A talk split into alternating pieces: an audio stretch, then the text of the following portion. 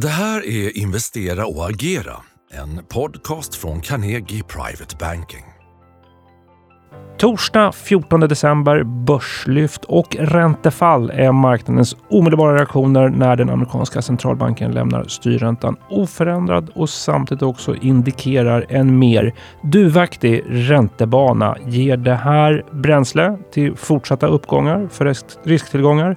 Eller är det så att bakslagen lurar på de finansiella marknaderna? Helena Haraldsson, makro och marknadsstrateg på Carnegie, är med och svarar på frågorna. Jag heter Henrik von Sydow. Välkommen till podcasten podcasten Investera och agera. Och välkommen till studion Helena Haraldsson. Tack så mycket. Fed-beskedet meddelades på onsdagskvällen. När vi spelar in det här är det torsdag morgon. Vi har då ännu inte fått besked från Europeiska centralbanken så därmed fullt fokus på Fed och eh, beskeden från eh, Fed-chefen Powell också. Konsekvenserna för investeringslandskapet förstås. Hur vill du initialt kommentera Fed-beslutet och hur det aviserades? Ja, det intressanta och överraskande var ju faktiskt vad han inte sa. Men det var också överraskande med den här så kallade dotplotten, ledamöternas räntebanor, men också vad han fick ur sig under frågestunden på presskonferensen. Men om vi börjar med vad han inte sa. Han pratade, försökte inte kväsa marknadens ganska optimistiska räntesänkningsprognoser för 24. Det hade nog många, inklusive oss, väntat sig. Och han sa inte ens frasen, han nämnde den inte. Jag lyssnade på allt. Det här higher for longer, alltså högre räntor under längre tid. Eh, så det var ju en tydlig omsvängning. Eh, och du sa själv, det var duvaktigt. Det började ju med den här dotplotten där alla ledamöter sätter in sin räntebana. Eh, ingen mer höjning. Det var det vid septemberplotten. Eh, och nu faktiskt 75 punkters sänkning nästa år. Förra innehöll 50 punkter.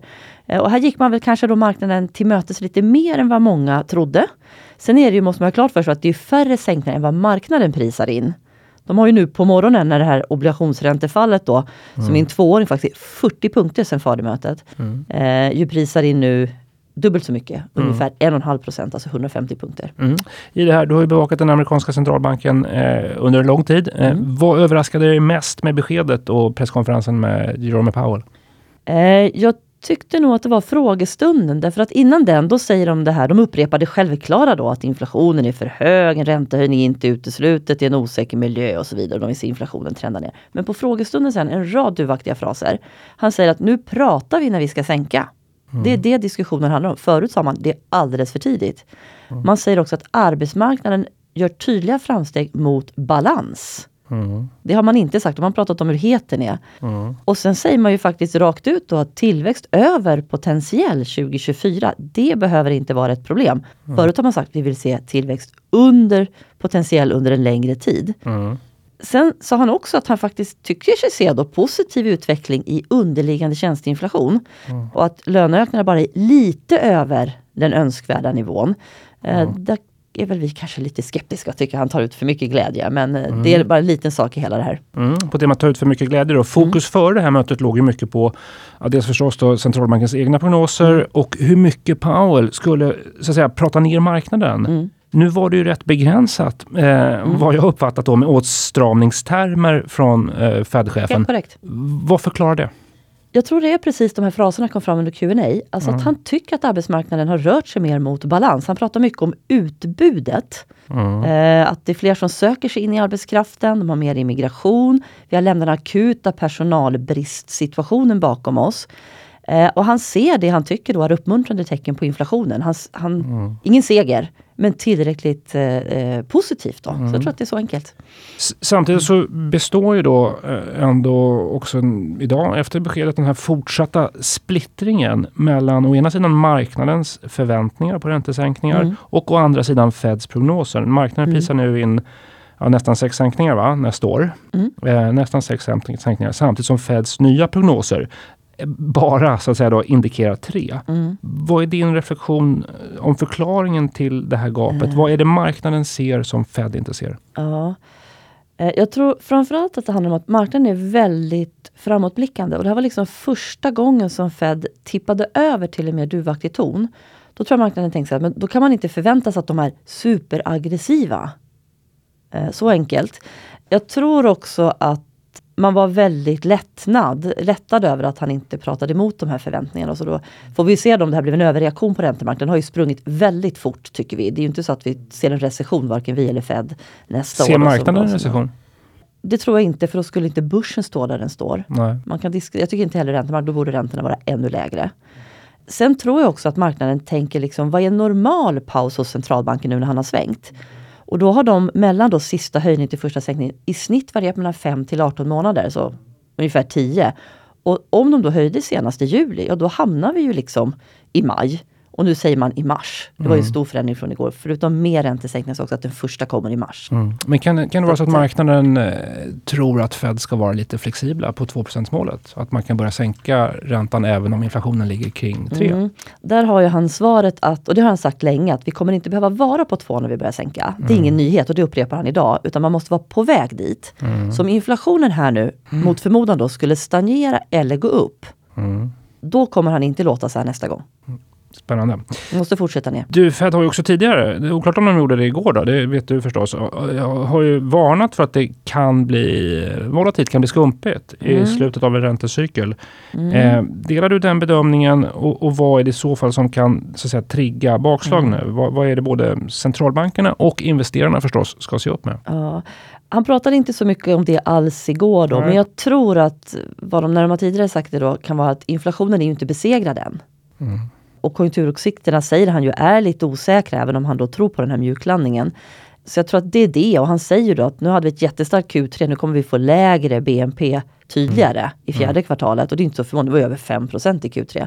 Men det är klart, det här kan ju då slå lite kanske fram och tillbaka. Men det jag tycker är intressant är att tittar vi på det mått som mäter börsens slagighet, som heter VIX, det ligger ju runt låga 13. Det är ju klart lägre än normalt. Mm. Så att, nej, inte så mycket för att det måste bumpa runt jättemycket. Om man skulle vara kritisk mot Fed och säga att det är okej okay, och ena sidan säger att inflationen är inte, är inte besegrad ännu. Mm.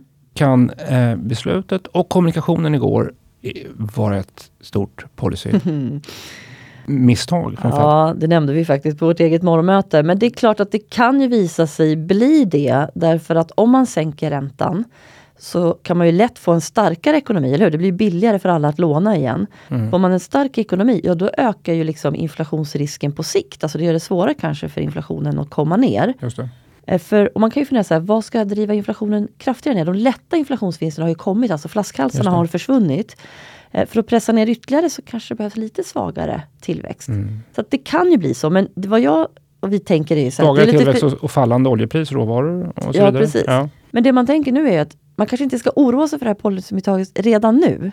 Som investerare? Ja, för svaret kommer inte, inte komma utan nu får man liksom njuta av det här att de är faktiskt redo, har han sagt, att sänka även om vi inte får en ursvag ekonomi. Just det. det var man ju lite tveksam till innan. Så tittar vi för 24 så ökar ju den här chansen för en, en, en bättre tillväxt, alltså positiva tillväxtöverraskningar och det är ju väldigt trevligt för mm. bolagsvinsterna se beskeden som en julklapp, som du sa på ja, morgonmötet. det sa jag. Ja. Du, om vi blickar framåt då. Vad tror du Fed kommer fästa blicken på och vad kommer du eh, hålla ögonen på? Vilken data blir ledande nu? Ja, det är ju jättetydligt att det är inflationen. Mm. Eh, det krävs ju inte tillväxt Inflation, under, under ja. potentiell, utan det är inflationen. Den måste Konjunkturscenario? Konjunkturscenario? Nej, jag tycker mer inflationen. Ja. Det är klart, mm. får du en recession då kommer han ju sänka ännu mer kanske. Just. Men eh, inflationen tycker jag absolut. Mm. Och i första hand då tjänsteinflation. Mm. Eftersom man vill se hur löner slår igenom på den. Mm. Men också då bolagens prisplaner. Eh, och då tycker jag att siffrorna i veckan, eh, det förvånar mig att han var så positiv Powell därför att tjänsteinflationssiffrorna, de kom av sig den nedgången lite om man tittar på underliggande tjänsteinflation. Mm. Och tittar vi på en väldigt färsk småbolagsbarometer så visar faktiskt prisplanerna att fler bolag höjer eller att färre sänker dem. Då. Mm. Det är inte riktigt hemma, men... Du, eh, nyckelfråga förstås då eh, för investerare. Börserna har ju gått starkt både i november och december. Vd-index på Stockholmsbörsen har stigit med, eh, jag tror nästan 10 procent mm. sista månaden. Räcker det här Fed-beskedet som bränsle för fortsatta börsuppgångar in mot årsskiftet? Eh, ja, jag tycker det känns som att börssentimentet är väldigt starkt. Powell och Fed var glada nyheter. Eh, så ibland är det lite roligt att ha fel då. Mm. Eh, jag tycker att det här ger stöd åt vår rekommendation eh, som vi själva gör i, i förvaltningen och det vi rekommenderar då investerare och kunder att ha övervikt aktier. Sen som du säger, det har gått fort. Men det ger också stöd till en mjuklandning. Mm. Jättespännande att se Feds prognoser, för de har vi inte pratat om riktigt med den ränteprognosen. De ser att arbetslösheten bara ökar till ynka 4,1 från dagens 3,7. Mm. Det är ju knappt märkbart får man säga. Eh, och sen om det blir sänkningar redan i Q1, ja det ökar ju sannolikheten för bra tillväxt. Just det. Ja, men det är bra. Ge stöd till aktier, ge stöd Mm. till mjuklandningsscenariot. Ja, och- och, och ytterligare något kanske då. Ja, jag tänkte det, vi har ju pratat mycket småbolag i podden. Ja, just det. Det går ju faktiskt jättebra. Det vill du förstås Den- lyfta. Ja. Ja, och vi har också pratat guld. Bara för att vi ska ha lite kontinuitet i det här. När dollarn blir svag och räntorna går ner så får guld lite extra momentum. Kanske lite orolig för att räntenedgången har gått väl fort. Just det. Just så vi inte pratar recession. Just det. Men vi summerar på det sättet då. Mm. Även om det, vi pratar ju också om att det kan vara överköpt på kanske kort sikt. Då kommer lite Mm. Inte idag kanske, men, stöd ändå. ja, men på lång sikt. Den långa trenden är, är, är, är positiv. Så köp på nedgång, buy on weakness, skulle Mm. vara eh, något att ta med sig då. Det får bli slutorden. Tack så mycket. Alltid kul att, och bra, värdefullt att ha med Helena Haraldsson i podcasten. Eh, vi, eh, jag gjorde ju precis en summering här så att vi nöjer oss med det. Nästa podcast den släpper vi torsdag 21 december. Välkommen att lyssna då också. Tack så mycket för idag. Är du intresserad av topprankad aktieanalys och unika investeringsmöjligheter? Gå in på carnegie.se privatebanking och lär dig mer om vad du får som private banking-kund hos oss.